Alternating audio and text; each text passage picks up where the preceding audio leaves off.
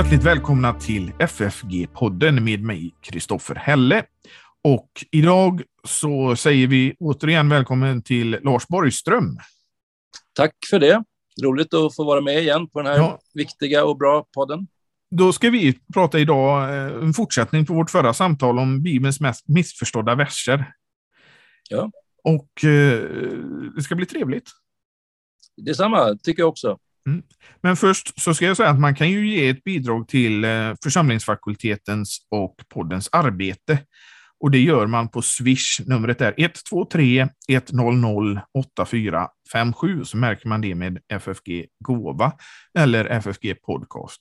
Man kan också bli månadsgivare och då går man in på ffg.se och så hittar mer information. Och på hemsidan hittar man också information om vad som händer på församlingsfakulteten. Bland annat i slutet på februari så är det bibelkonferens och där på, på fredagen så är det mm, tema David Hedegård. Och det har ju du skrivit en artikel om vet jag, eh, Lars. Ja, vad spännande. Jag gratulerar till ett väl valt ämne då på den här konferensen. Det ska, om jag inte är på plats fysiskt, eh, vilket jag inte tror, så ska jag hoppas att det blir inspelning så man kan få lyssna till det efteråt. Det var Mats Eskult som skulle hålla det föredraget, såg jag. Ja, bland annat Mats, ja. ja. En, en, en av Hedegårds eh, främsta lärjungar, får man väl säga. Okej, okay, ja. Och sen på, på lördagen så är det tema Fadern. Ja. Och nästa år kommer det vara tema Sonen och så året där på Anden.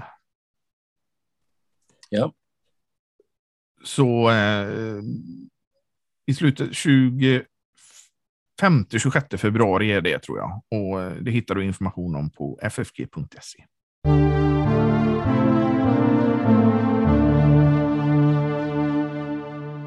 Ja, Lars, hur har eh, det varit med dig sedan vi pratades vid sist? Ja, eh, jag har det fint. Jag kommer inte ihåg hur, hur länge sedan det var vi talades vid. Var det i somras kanske? Ja, det var nog i höstas någon gång. I höstas, ja. ja. Jo, men det rullar på som vanligt eh, mm. med eh, prästtjänst och lärartjänst på ja. Kristet gymnasium i Stockholm. Och för de som inte vet så är du präst i Lutherska församlingen i Stockholm och Uppsala. Ja. Mm. Lutherska eh. församlingen i Stockholmsområdet är vårt officiella namn. Det är det? Okej. Okay. Mm. Är Uppsala en filial då, kan man säga? Ja, så kan man se det. Ja. Eh, förra gången så pratade vi om några eh, missförstådda bibelverser. Mm. Och eh, vi fortsätter med det idag, tänkte vi. Ja, roligt. Vi har eh, fått bra feedback på vårt senaste samtal på de som har hört av sig. Ja, det var kul att höra. Ja. Och vi tänkte att vi börjar med det som kallas för eh, dubbel predestination. Mm. Det kanske är en, en lära som eh, inte är så vanlig här i vårt land. Vi har ju inte så många kalvinister i Sverige, men eh, i eh, kalvinistiska sammanhang som eh, det finns ju i USA, det finns i, i Nederländerna och, och Skottland eh, framför allt, så eh, är det ju en eh, ganska vanlig eh, villolära att eh, Gud inte bara har predestinerat, utvalt, utkårat, förutbestämt de saliga människorna till himmelen, utan också en, eh, en eh, bestäm, förutbestämmelse till förtappelsen för de som går förlorade. Och, och det är en hemsk eh, villolära. Eh, Gud vill att alla människor ska bli frälsta och komma till insikt om sanningen. Eh, skriver Paulus. Och eh, eh, däremot så, så stämmer då det första ledet att de människor som blir saliga, de har verkligen blivit förutbestämda till detta före eh, världens skapelse. Kanske det främsta bibelstället eh, och tydligaste för detta, eh, det är ju Efesierbrevet kapitel 1. Och det är den lutherska synen. Eh, att, det, eh, det, brukar vi kalla enkel predestination. Den lutherska uppfattningen brukar kallas för enkel eh, predestination. Man skulle också kunna kalla det för asymmetrisk predestinationslära. Att det är inte som i kalvinismen att de troende, de, de frälsta människorna och de icke frälsta, de förtappade människorna. Eh, det är Gud som eh, står bakom eh, eh deras eh, eviga öde på ett liknande sätt. Eh, utan det, då är det en symmetri, att det är Gud som har förutbestämt till det ena eller till det andra för dessa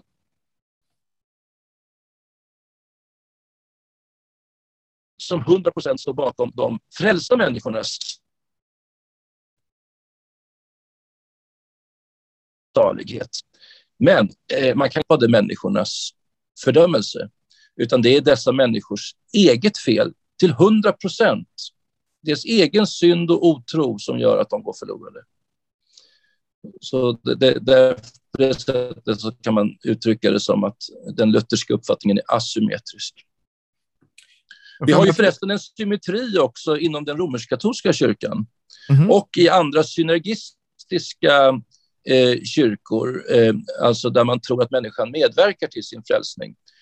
Eh, för där eh, är det också så att, eh, de, att det blir en symmetri.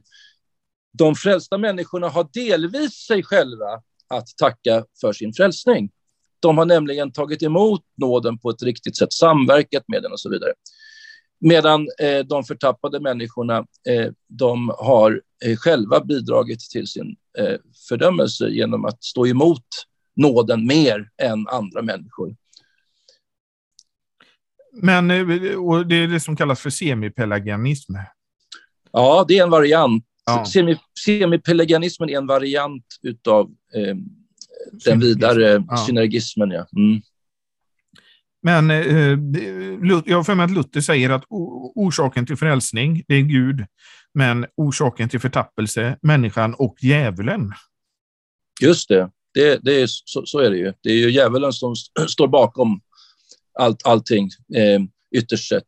Eh, även vad de onda människorna gör. De har ju blivit lockade och bedragna av djävulen. Mm. Det bibelställe som man brukar använda då för det här eh, predestination är eh, Romarbrevet 9. Ja, eh, det är eh, vers 11 och 13 och sen i vers 18 som man brukar lyfta fram då från kalvinistiskt håll. Det är när Paulus skriver innan barnen, och då talar han om eh, Jakob och Esau, innan barnen var födda och varken hade gjort gott eller ont, sades det till henne. Den äldre ska tjäna den yngre. Guds beslut att välja vem han vill skulle stå fast och inte bero på gärningar, utan på honom som kallar. Det står ju skrivet. Och så är det ett citat från Malakis bok. Jakob älskade jag, men Esau hatade jag.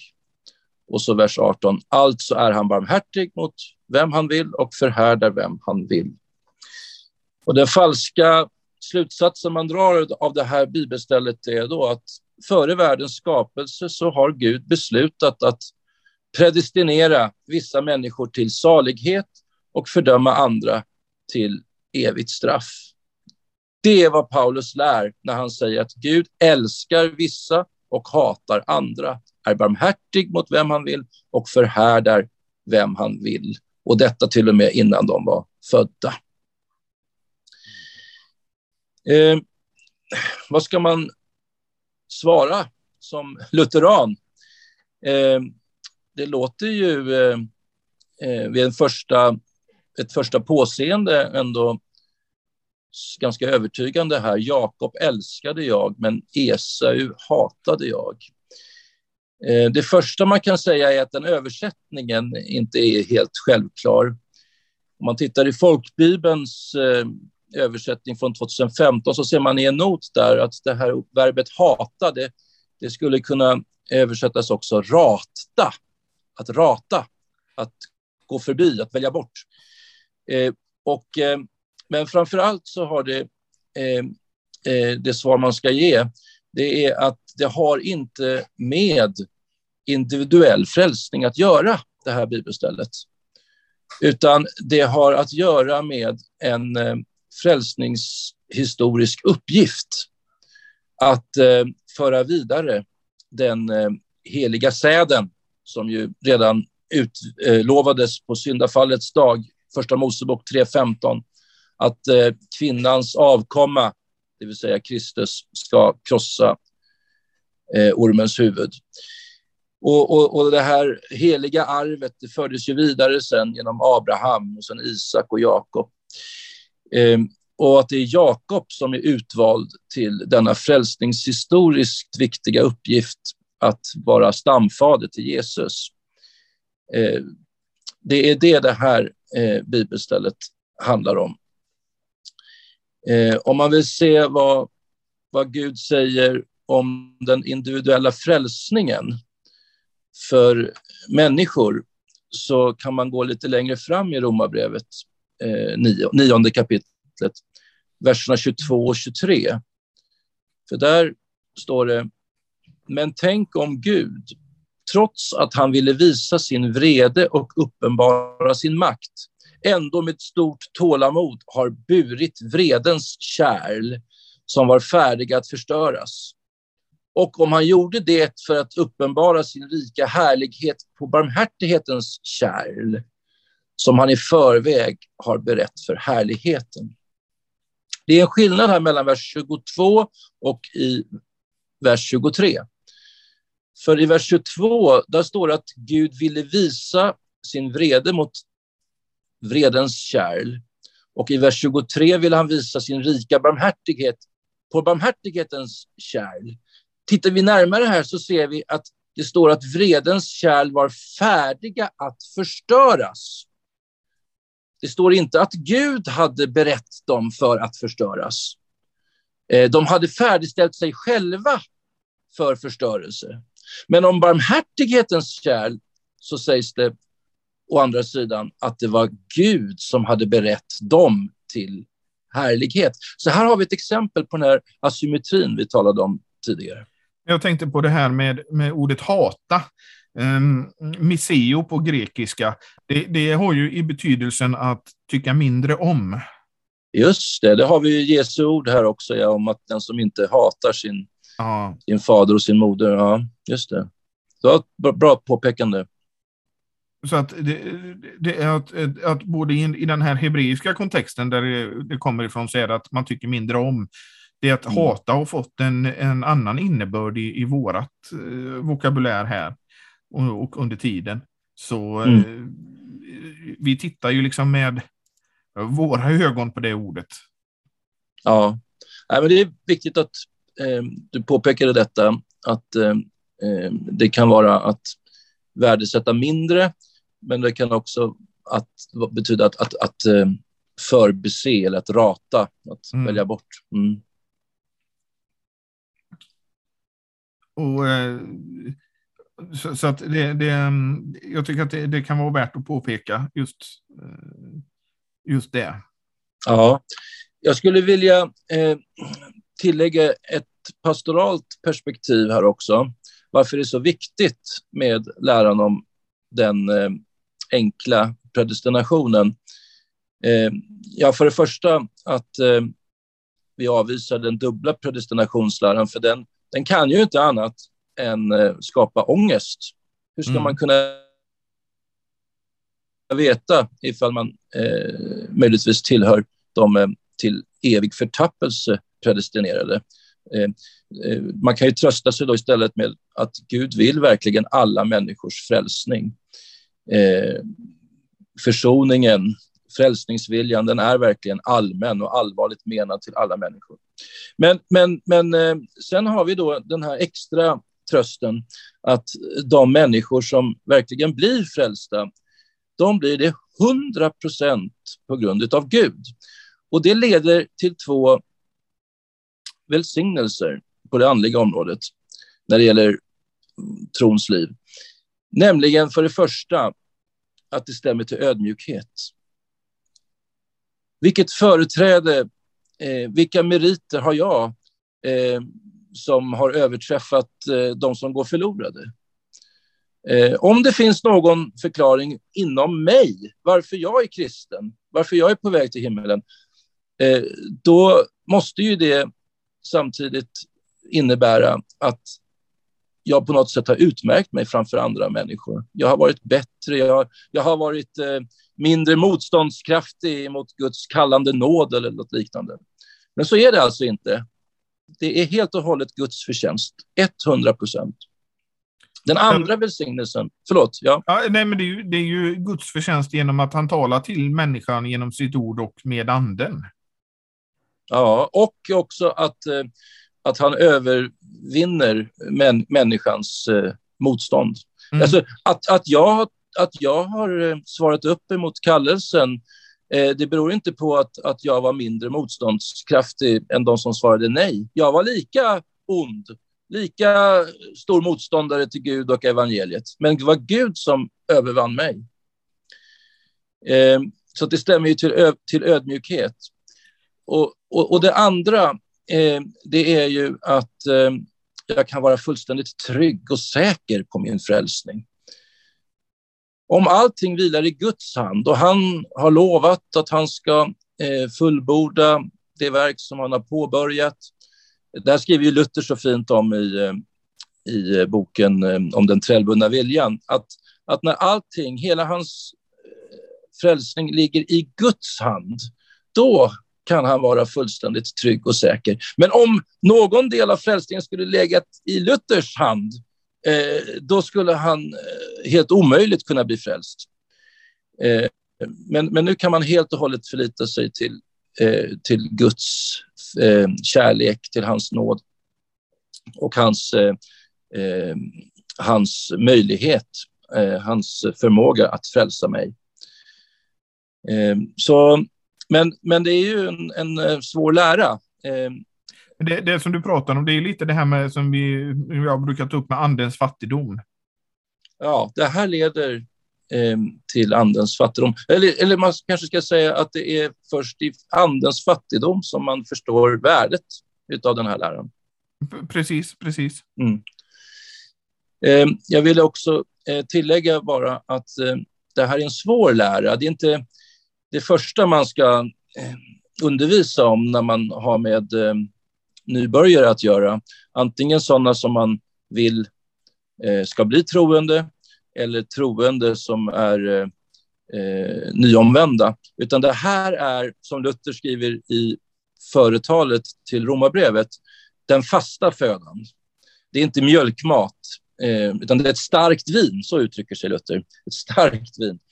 Eh, som den hårt beprövade kristne, den som, den som har sett sitt eget syndafördärv, det som verkligen har kommit in i andens fattigdom, som du sa, Kristoffer, Eh, det är för de människorna som den här läran är en sån oerhörd eh, tröst. Jag, jag skrev en, en liten bok om det här för ganska många år sedan nu, men, men där använde jag en, en liknelse som jag hade snappat upp någonstans ifrån. Att eh, eh om vi liknar Guds rike vid en, en borg med en eh, port bort eh, i eh, slottsmuren så ska det stå utanför eh, eh, dörren, porten, eh, på en skylt. Alla är, väl, alla är kallade. Alla är kallade. Det, det är det budskap som går ut till hela världen. Kom, allt är färdigt. Kristus har dött för dig. Alla dina synder är betalda. Kom. Det är det som står på eh, portens utsida. Alla är kallade. Men sen när man kommer in i Guds rike så står det på portens insida då, få är utvalda. Då förstår man att anledningen till att jag står här, att jag är med i Guds rike, att jag är ett Guds barn, det berodde på Guds utkårelse. Från mm. början till slut. Det var inte mitt initiativ att jag gick in genom den här porten, utan det var Gud som hade utkårat mig. Och, och eh, alltså en, en, en, liberal tolkning kan ju även ibland vara att man säger att jag, jag är döpt, därför är jag ett, ett uh, Guds barn. Ja, det, det är ju ett, också ett sant svar. Eh, eh, genom dopet och tron på Kristus så, så är man ju ett Guds barn. Eh, man kan ju eh, besvara den här saken på, på olika sätt. Eh, ett svar som man också skulle kunna säga då eh, utifrån det här läran om utkårelsen att eh, jag är ett Guds barn därför att Gud långt innan jag föddes faktiskt hade utkorat mig. Innan han skapade världen så hade Gud bestämt att jag skulle vara en kristen. Det är därför jag är kristen. Eh, sen har det då förverkligats i tiden genom att han också såg till att jag döptes. Mm.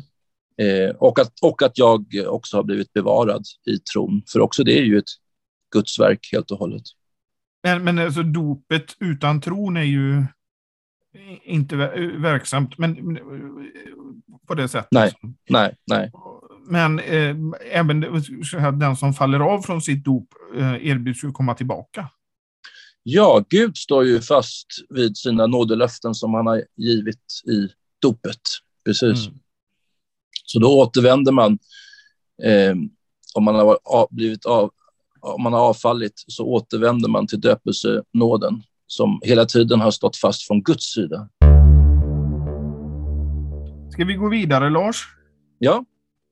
Eh, då föreslår jag att vi pratar lite om eh, exempel 30 som är flykt från bibeltron. Ja, just det. Det är ju ett bibelord som man ganska ofta eh, får höra.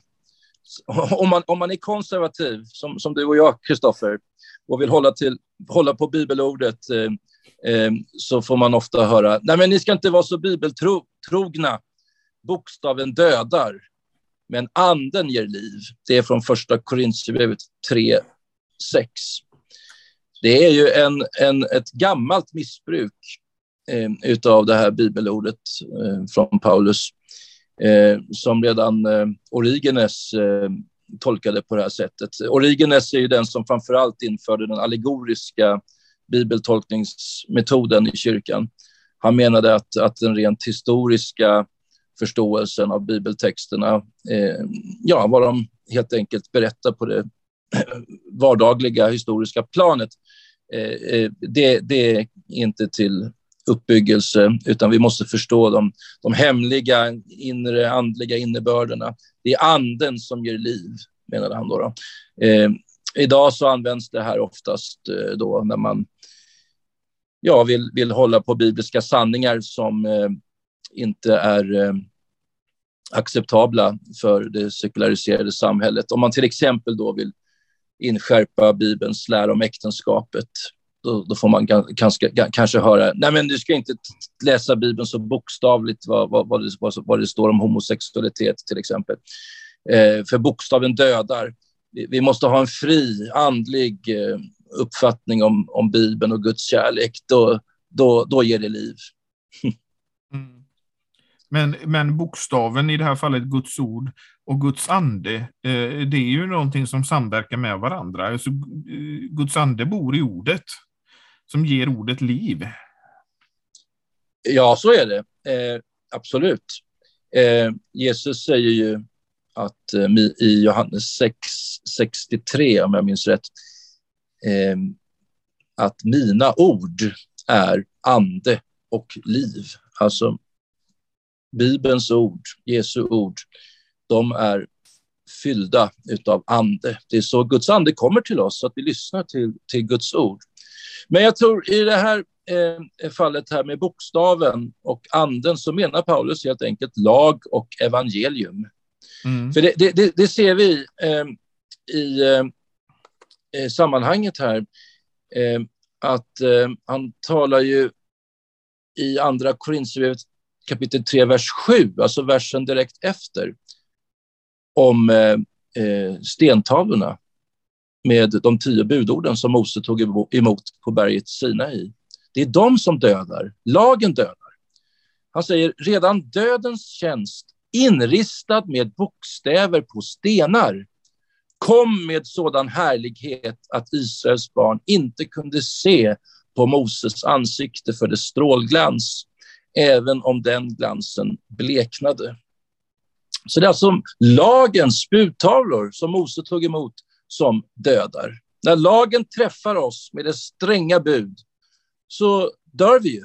Mm. Den, den eh, högfärdighet, eh, egenrättfärdigheten som vi bär på, eh, den förintas när lagen verkligen får utföra sitt verk i oss i grunden. Eh, och eh, vad som ger liv, anden ger liv, det framgår ju också av sammanhanget. Det är det nya förbundet eh, som ger liv. Eh, det vill säga att man tar emot evangeliet. Herren är anden och där an, Herrens ande är, där är frihet, skriver Paulus i vers 17 sen. Så friheten i Kristus, det är en underbar frihet från döden, synden, djävulen och helvetet. Som Luther säger i katekesen, där syndernas förlåtelse är, där är liv och salighet. Men lag och evangelium, det är ju ett, precis ett sånt par eh, som är två skilda saker men ändå oskil, oskiljaktigt åt. Precis som ord och ande. Ja, precis. Eh, det är viktigt att eh, du påpekar det. Eh, evangeliet blir ju helt eh, eh, meningslöst. Ingen, ingen förstår behovet av evangeliet om inte lagen predikas. Mm. Hög, högfärdiga, egenrättfärdiga människor som inte har blivit krossade av lagen, eh, de, de, de efterfrågar inte evangeliet överhuvudtaget. Nej. Ehm, så därför måste lagen föregå evangeliet. Och även efter att man har tagit emot evangeliet så behöver man fortsättningsvis höra lagen. Därför att den gamla människan, den högfärdiga, egenrättfärdiga människan, är ju inte förintad eh, en gång för alla, utan den, den lever ju vidare. Vi är ju egentligen två människor. Vi är både gammal och ny människa eh, som kristna, både kött och ande. Så att lagen måste krossa, eh, döda köttet gång på gång på gång. Eh, gudsmannen Henrik Schartau menar ju att, att eh, eh lagens och Eh, evangeliets upplysning, som man säger, är tvådelad. Att eh, det går två varv så att säga. Den första gången så förstår du att det finns en lag och att det finns en frälsning. Men den andra gången så förstår du att det gäller dig. Mm. Just det, det, det är också Luther väldigt eh, noga med att påpeka att det, det hänger på pronomina, att Jesus är min frälsare. Det var för mig han dog. Det, det, är inte bara så att Jesus är frälsaren i största allmänhet eller för hela världen, utan det, det var för mina synder som han gjorde detta. Han gjorde det som om jag vore den enda. Ja, det är vackert. Det brukar äh, citeras från Charta, va? Ja. Ja, det är vackert. Och, äh, det, men det är just det alltså, att man blir en Jesu egen. Ja. Ja, Jesus blir ens allt. Det är där vi har all, alla våra skatter, eh, allt vårt hopp för evigheten. Han har, Paulus skriver ju, ska vi se, i något av Korintierbreven, eh, minns inte vilket nu, men att, att Jesus för oss har blivit till helgelse och till rättfärdighet och vishet. Ja, att, att vi inte har eh, något, någonting i oss själva längre, utan Jesus har verkligen blivit vårt allt. Och då är vi tillbaka i andens fattigdom. Ja, ja precis. Eh, han måste bli större och då blir vi mindre. Precis. Ja. Och, då, då, och det är ju också då som Schartau menar eh, att efter lagens och evangeliets andra upplysning så inträder andens fattigdom och där tänds tron. Mm. Och, och som troende så, eh, ja, jag sa ju att vi behöver fortsatt, eh, ett fortsatt eh, avslöjande Eh, och dödande av, av köttets inställning. Men, men sen är ju, har ju lagen en annan funktion också. Ja, den har ju tre funktioner, eh, tre bruk som vi brukar säga. Eh, det första bruket är ju det, allmän, det, det borgerliga bruket, eh, hur man ska eh, uppträda i, i samhället och att samhällena måste bestraffa brott Eh, och, och, och, det är faktiskt så illa, även med oss kristna, att, att vi behöver höra lagen i dess första bruk också. Mm. Så att vi inte frestas att fuska med deklaration eller liknande. Eh, sånt händer ibland, även bland kristna tyvärr. Eh, men sen den, det viktigaste bruket, menade ju Luther, var det andra bruket, eller det andliga bruket som avslöjar synden och på det sättet driver oss till Kristus. Men sen som på nyttfödda Guds barn så vill vi ju tjäna Gud också. Och då behöver vi vägledning. Eh, lagen talar då om för oss eh, hur man lever ett Gud i behagligt liv. Eh, man kan ju annars få för sig att när man har blivit kristen att nu ska jag göra massa märkvärdiga saker. Jag ska gå i kloster för att visa hur mycket jag älskar Gud.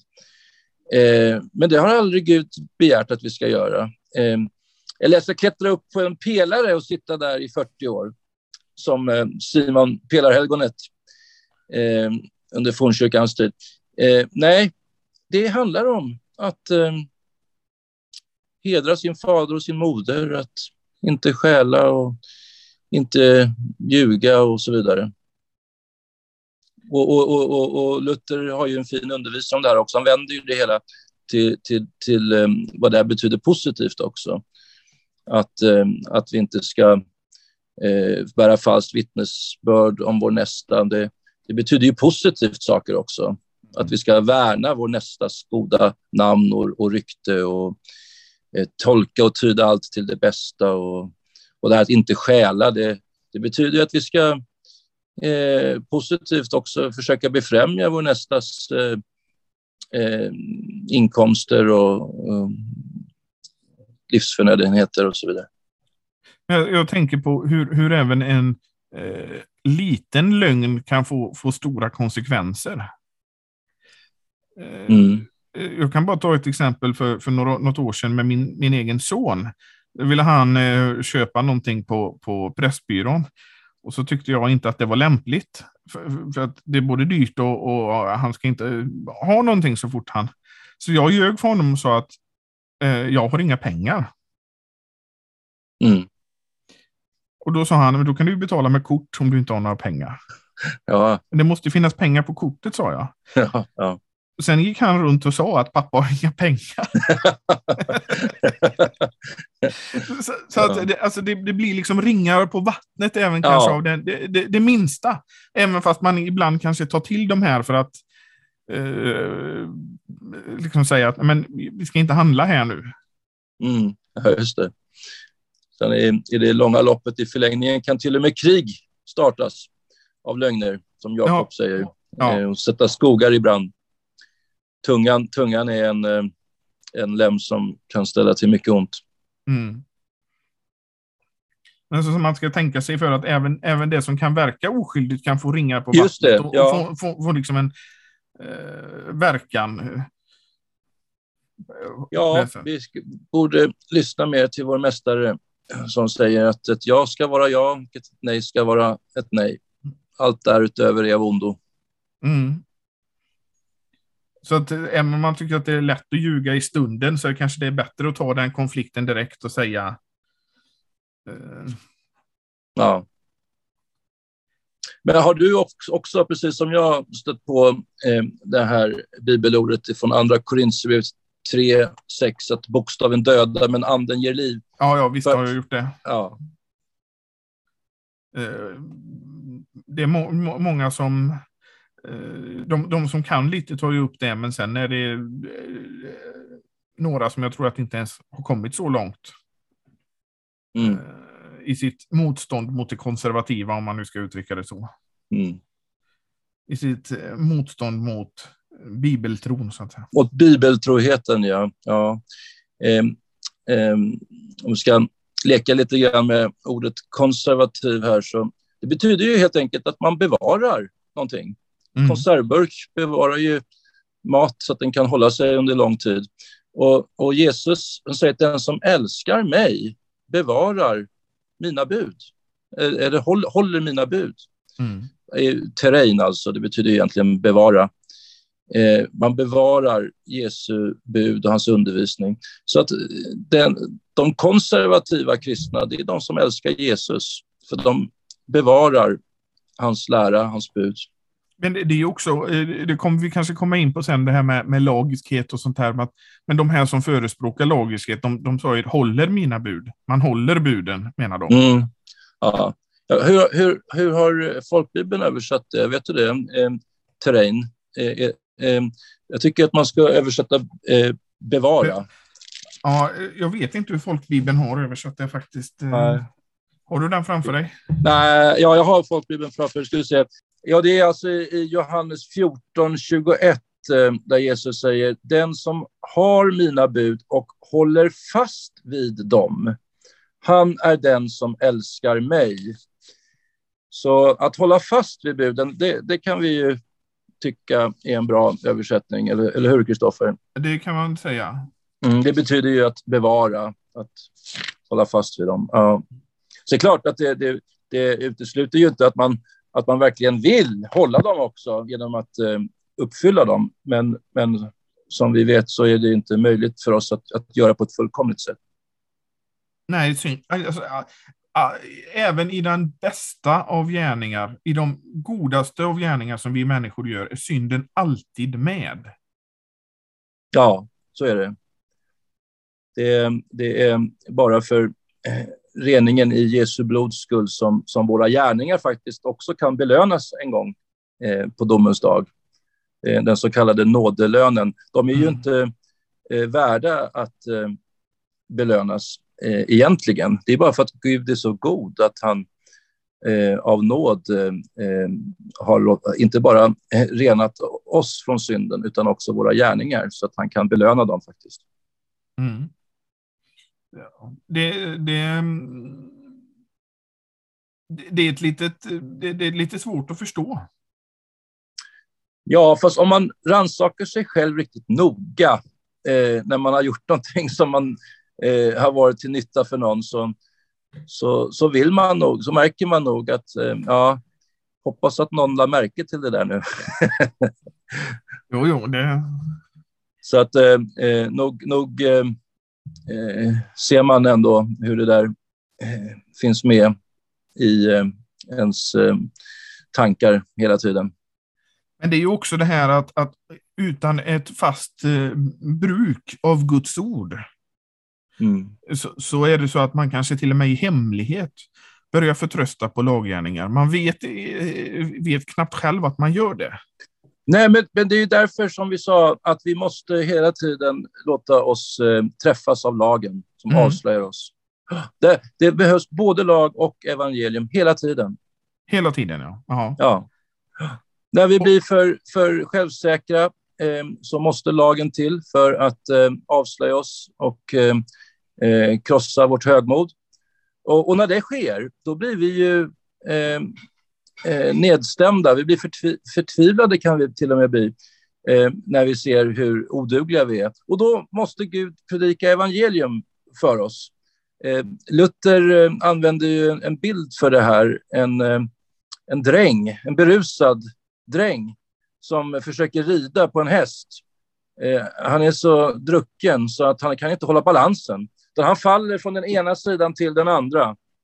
Eh, och, och, och, när han då faller ner i förtvivlan, stryker, ja då måste Gud använda evangeliet eh, för att kunna få upp honom igen. Men då faller han lätt över i andra eh, sidan och då eh, i, i, eh, i kötslig säkerhet. Mm. Eh, och, och, då måste Gud eh, predika lagen för honom. I undervisningssammanhang så har jag ibland hållit upp en, eh, en bok eller något föremål för eh, gruppen och så har jag frågat eh, vad händer tror ni om jag släpper taget eh, om den här boken? Och då så tror de flesta i alla fall att, att den kommer falla till marken.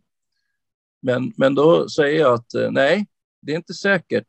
Och så släpper jag, öppnar jag handen, men så tar jag samtidigt emot boken med andra handen och greppar den och säger att jag har faktiskt två händer. Så om jag släpper den ena handen, med den ena handen så kan jag ta grepp om boken med den andra. Och Gud har också två händer. De arbetar med oss, lag och evangelium, så att han ser till att vi inte faller, att vi inte förlorar tron. Mm. Men just det här att bokstaven dödar men anden ger liv. Eh, det, det, blir ju någon att i det här liberala sammanhanget så blir det ju bara evangelium. Men vad, ska du, vad är evangelium om du inte har lagen? Ja, nej, det, det, det blir eh, ingenting av någonting. Det, eh, det blir en slags allmän acceptans av allting och, och ingen förstår då i sådana sammanhang vad, vad, varför Jesus stod på korset för oss. Det är man helt blind för. Man, man, gör, ju, man gör ju hans försoning om intet. Ja, ja om allting så. är tillåtet och, och, och, och, synden inte antingen inte finns eller inte, inte är fördömelsevärd så, så blir det ju helt eh, meningslöst vad, jo, vad Jesus gjorde på korset. Eller, eller rättare sagt, man, man försöker att eh, finna andra förklaringar till varför Jesus stod för oss på korset. Ja. För, för att det är ju ändå, korset är ju ändå den kristna religionens eh, viktigaste symbol, så att man, man, man, man kan ju inte liksom plocka bort korset ändå. Eh, på något sätt så känner man väl att man måste ha med korset ändå om man säger sig vara kristen. Men då, då säger man att att Jesus han eh, dog på korset för att solidarisera sig med alla lidande människor på jorden. Eh, det var det som var meningen med, med Jesu korsdöd.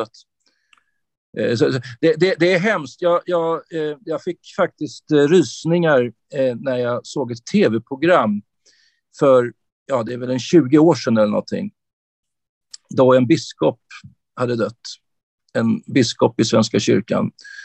Och då, när, när det hade hänt så, så visade man då en intervju som hade gjorts med den här biskopen. Och eh, intervjuaren frågade eh, vad betyder korset för biskopen? Och eh, då berättade biskopen om eh, Jesu försoningsdöd, hur han har betalat priset för alla människors synder. Eh, han sa att det är så här som kyrkan traditionellt har uppfattat korset. Och det var väldigt bra koncentrerat framställt. Men, sa han sen, det är inte så jag uppfattar korset. Och sen så gav han den här förklaringen då som, som jag gav dig här. Eh, och det kusliga är förstås att här talade alltså en andlig ledare eh, eh, om korsets innebörd eh, och strax innan hans egen död också. En blind, andligt blind man som skulle leda. Det var eh, eh, alltså ett, en, ett, ett Stockholms stift, eh, Sveriges största stift till eh, befolkningsmängden. Eh, jag kom att tänka på Jesu ord om att en, en, när en blind leder en blind så faller båda i gropen. Men det var väl så också att det var flera biskopar som inte ville vara med när han bis biskopsvigdes? Ja, eh, det var eh, Bertil Gärtner och Helge, Helge Brattgård. Ja, just det. Då hade han nog inte kunnat bli biskop någon annanstans än i Stockholm skulle jag tro. Nej, det var ju, men idag så skulle han platsa överallt tror jag. Det I, tror jag. I alla stift. Ja. Säkert. Men eh, mm, det, det är mycket det här att Jesus blir en moralisk förebild och det passar ju in i det resonemanget som du säger. Men vi kan ju inte leva ett syndfritt liv på det sättet att om vi ska försöka leva så som Jesus, då, och, och, och det, det, blir ju eh, som att försöka uppfylla lagen och det är ju någonting vi människor inte kan. Mm. Det här var ju väldigt vanligt under senmedeltiden, imitatio Christi-idealet. Mm. Att, att Jesus blev eh, nästan bara eh, förebilden. Eh, eh, så var han också den stränge domaren. Men, men eh, det var ju det som Luther vände sig så starkt emot. Att, att man hade alltså gjort Jesus till en eh, lagförkunnelse. En mm. biktspegel kan man säga. Så man bara, när man jämförde sig med Jesus, bara såg sina egna tillkortakommanden. Istället för frälsaren förlös förlossaren. Ja, det är, ju det, det är ju det som är det stora. Ja, visst. Det är därför vi... Och det är ju det som evangelium är, försoning. Det, det, är därför vi är glada och, och trygga, eh, saliga som Guds barn. Ja. Det, men det, det, är ju det som, det är det som de, miss, de, de har ju liksom gjort, och det brukar jag någonting jag återkomma till det här att eh, de tror att lag är evangelium i det här, att du ska älska din nästa. Ja, det är ju, det är ju lagens det, det är lag. Det, det, är lag. Det är inte mm. evangelium. Mm. Nej, men eh, det, evangeliet är ju en hemlighet, så att eh, vi ska inte förvåna oss, Kristoffer, över att eh, så många människor är blinda för detta. Det är bara Guds ande som kan genom ordet öppna våra ögon för detta.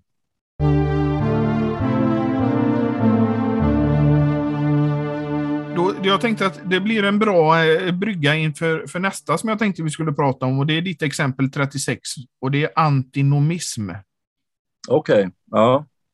Ja, det har vi till viss del eh, talat eh, om redan. Eh, men vi kan ju ta lite mer om det om du vill. Ja, för det tycker jag ändå är någonting som, eh, mm, som kan missförstås av kristna också. Mm. Just det här att när man är frälst så behöver man inte lagen på det sättet eller att lagen gäller inte mig eller, eller någonting sånt där. Ja, det, det bibelställe, om vi ska nu tala mm. om eh, missförstådda bibelverser, eh, som eh, antinomismen gärna hänvisar till, det är Romarbrevet 6, vers 14. Ja, synden ska inte vara herre över er, för ni står inte under lagen utan under nåden. Just det, mm. och att lagen då därför skulle vara bortskaffad för oss kristna. Eh, Luther hade ju en eh, nära medarbetare, eh, Agricola, eh, som eh, förde fram sådana här tankar. Eh, först så sa han ju, Agricola, att eh, eh man ska inte predika lagen ens för eh, de eh, ogudaktiga, ehm, inte ens för de icke-troende. Ehm, utan det är evangeliet enbart eh, som ska eh, beveka dem, så att säga, för att, ehm, eh, kom, till att komma till tro på Jesus. Eh, Luther fick eh, väldiga problem med det här, fick lägga ner mycket tid och möda på att bekämpa sin, sin forne medarbetare. Sen om jag minns rätt nu, så efter Luthers död så, så kom Agricola tillbaka med sina antinomistiska idéer. Det var ju två eller tre till och med antinomistiska strider. Mm. Eh, det var ju Melanchthon då som fick eh, eh, föra den här striden efter Luthers död mot Agricola. Och Agricola sa väl i de här an andra omgångarna av stridigheterna att, eh, att eh, det, i alla fall i kyrkan så, så ska vi inte predika eh, lagen längre, utan evangeliet är det enda som ska förkunnas. Men det här är ju en lära som klart och tydligt fördöms i Concordieformen. Mm. Men eh, som vi sa tidigare också, att eh, om vi talar om de här tre bruken eh, av lagen, första, andra och tredje bruket. Eh, jag brukar lära mina konfirmander också, jag brukar tala om lagen för dem som en eh, tygel, en eh, spegel och en regel. Mm. Tygeln som håller tillbaka eh, den yttre synden i samhället och spegeln som avslöjar vår synd och regeln som, som lär oss eh, hur vi ska leva våra kristna liv, en vägvisare. Eh, ja, vi behöver alltså eh, lagen i alla dessa funktioner, även som kristna. Men alltså, i lagens tredje bruk så kan man ju också glädjas över lagen. Ja, det har vi ju i den 119 salmen framför allt. Mm. Bibelns längsta kapitel i var åttonde vers där, vers 8, 16, 24, 32 och så vidare, så, så kommer psalmisten tillbaka hela tiden till glädjen över att få vandra på Herrens eh, buds eh, vägar. Eh, jag har min glädje i din lag och så vidare. Det är ju ehm, en... Ehm, eh, eh, man skulle säga att man skulle kunna likna det vid ett äktenskap eh, hur en man och en kvinna lever tillsammans, så ju längre tid man har levt tillsammans, desto mer vill man ju lära känna den andres vilja och önskningar för att kunna leva det gemensamma livet tillsammans bättre. Mm. Det är den glädjen och nyfikenheten som psalmisten uttrycker där. Nu när han är vän med Gud, ett Guds barn, så, så vill han ju veta mer om hur Gud ser på saker och ting, hur, Gud, hur Guds vilja är, för att han ska kunna komma ännu närmare Gud i, i ett, eh, i ett eh, liv i gemenskap med honom. Ja. Och det, det är liksom att lagen, eh, den blir liksom en, en, eh, vad ska man säga, man förstår som, som omvänd kristen att Gud vill oss gott med lagen. Ja. Lagen är ju helig och god, skriver Paulus ja. eh, i Romarbrevet. Eh, det, det, är inte någonting eh, som eh, är ont eller eh, dåligt för oss. Alltså den syndiga människans konfrontation med lagen leder ju till döden förstås. Eh, men det är ju bra om detta sker före domedagen, för annars så går det ju illa. Eh, jag tänker på den här psalmversen i, i en av psalmerna. Eh, Döm mitt hjärta här i tiden, innan världen döms av dig. Och när tiden är förliden, i ditt domslut, fria mig. Så det är ju väldigt nödvändigt att vi blir dömda av lagen här under nådatiden, när vi fortfarande kan fly till frälsningen. Mm. Om det sker först på den yttersta dagen så, så finns det inte någon frälsning då. Nej, för det finns ju någonting som, som är för sent. Ja. Idag, om ni hör hans röst, så förhärda inte era hjärtan. Det är oerhört allvarligt varje gång som en människa hör Guds ord. Eh, Rosenius eh, skriver eh, på ett ställe att den människa som har lyssnat till Guds ord är aldrig mer densamme. Han är förändrad, antingen till det bättre eller sämre. Han liknar det vid människans hjärta vid ett, ett, ett vax eh, som i mötet med eh, solen då antingen stelnar och blir förhärdad då. Eh, det vill säga människans hjärta blir det om man, om man eh, inte tar emot Guds ords sanning.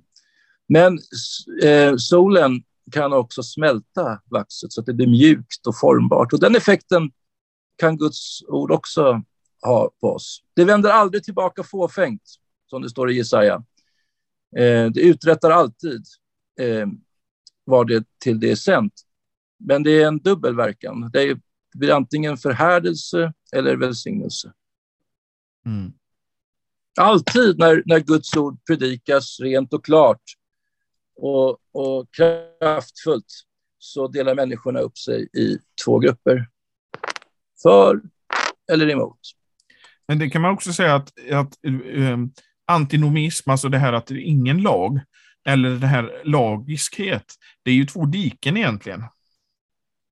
Ja, eh, ja, ja, precis. Eh, eh, om lagen inte förkunnas tillräckligt skarpt, ordentligt alltså, så att, så att det blir en, en uppluckrad, mjuk lag som fariseerna hade, då mm. blir ju den som en slags eh, eh, frälsningsväg. Alltså den framställs som en frälsningsväg. Om du bara iakttar det här yttre beteendet och anammar de här levnadsreglerna så kommer Gud eh, att eh, godkänna dig.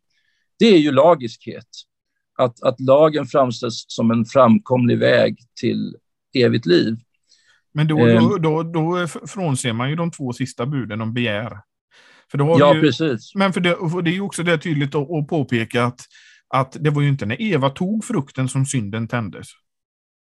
Det var när begäret... Eh, det var när begäret tändes. Ja. Eller som... ja. Eh, och det här var ju Paulus eh, upptäckt eh, att eh, eh, lagen kräver att vi ska vara fria från begär också. Och när han förstod att, att så var fallet, eh, då dog han. Mm. Som farisé hade han ju tänkt att eh, det handlar bara om det yttre, att, att inte begå synder i gärningar.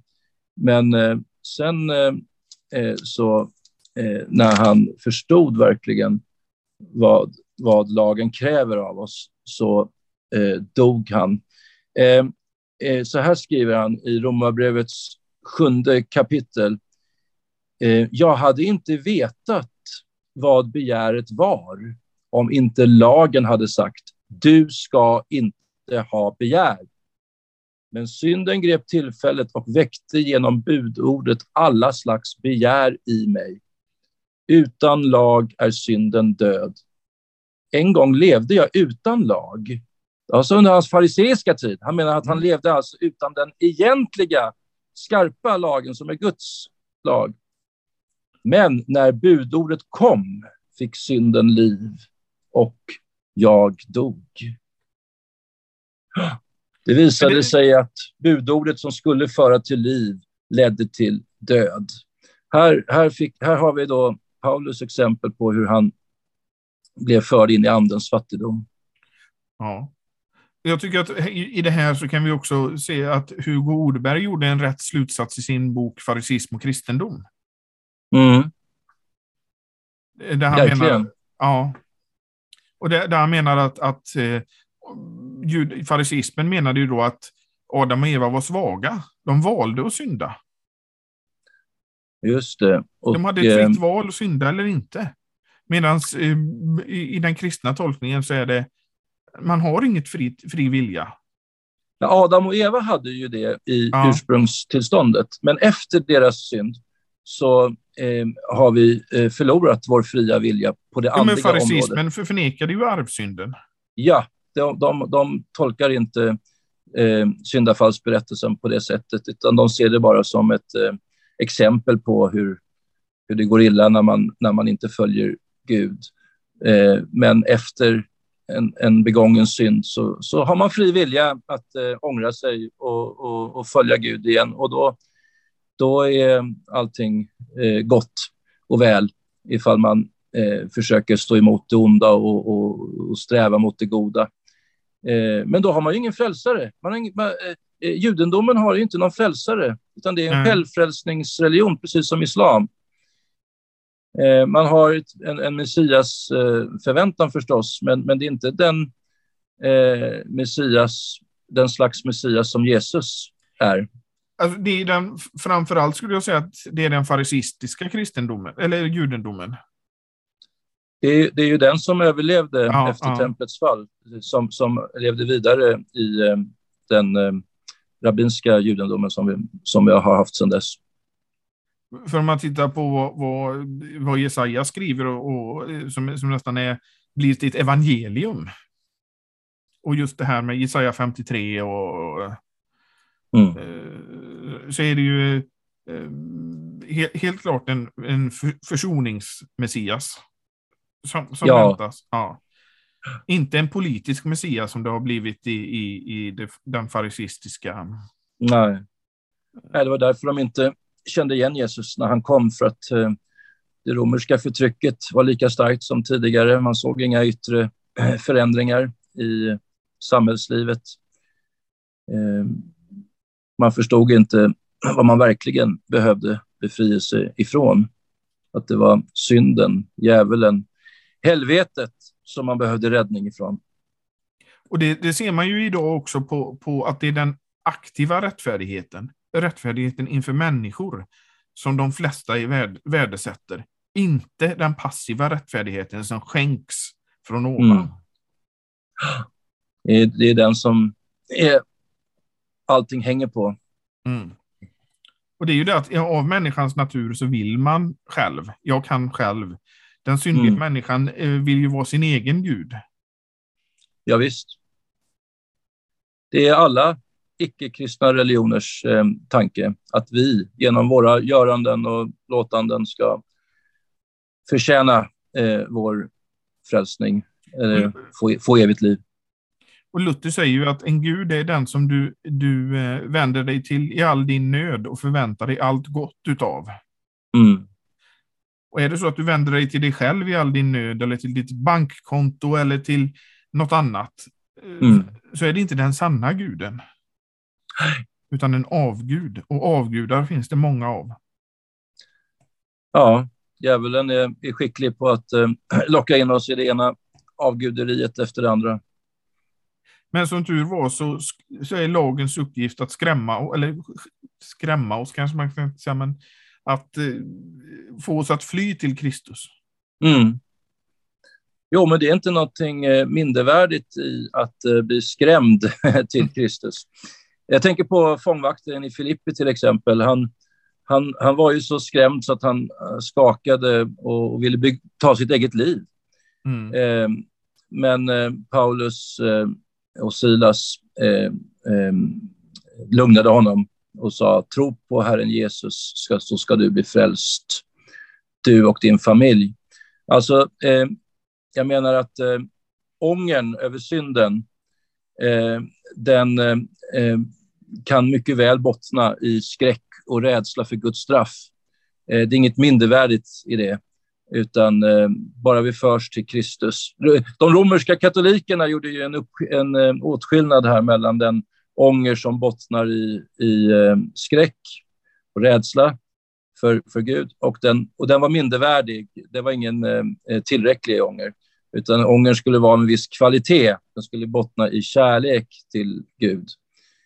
Eh, men eh, eh sådana distinktioner behöver vi inte göra, utan eh, när lagen har krossat oss så får vi komma till, till Jesus. Vi får, vi får alltid komma till Jesus. Eh, vi får alltid, varje stund komma till Jesus. Det är bara det att det är ingen som vill komma till Jesus om, om man inte har eh, blivit avslöjad som en syndare. Ja, Lars, nu eh, får vi kanske avrunda för den här gången, men jag hoppas att vi kan återkomma snart igen till detta eh, ämne. Det finns fler missförstådda bibelverser som vi kan tala om.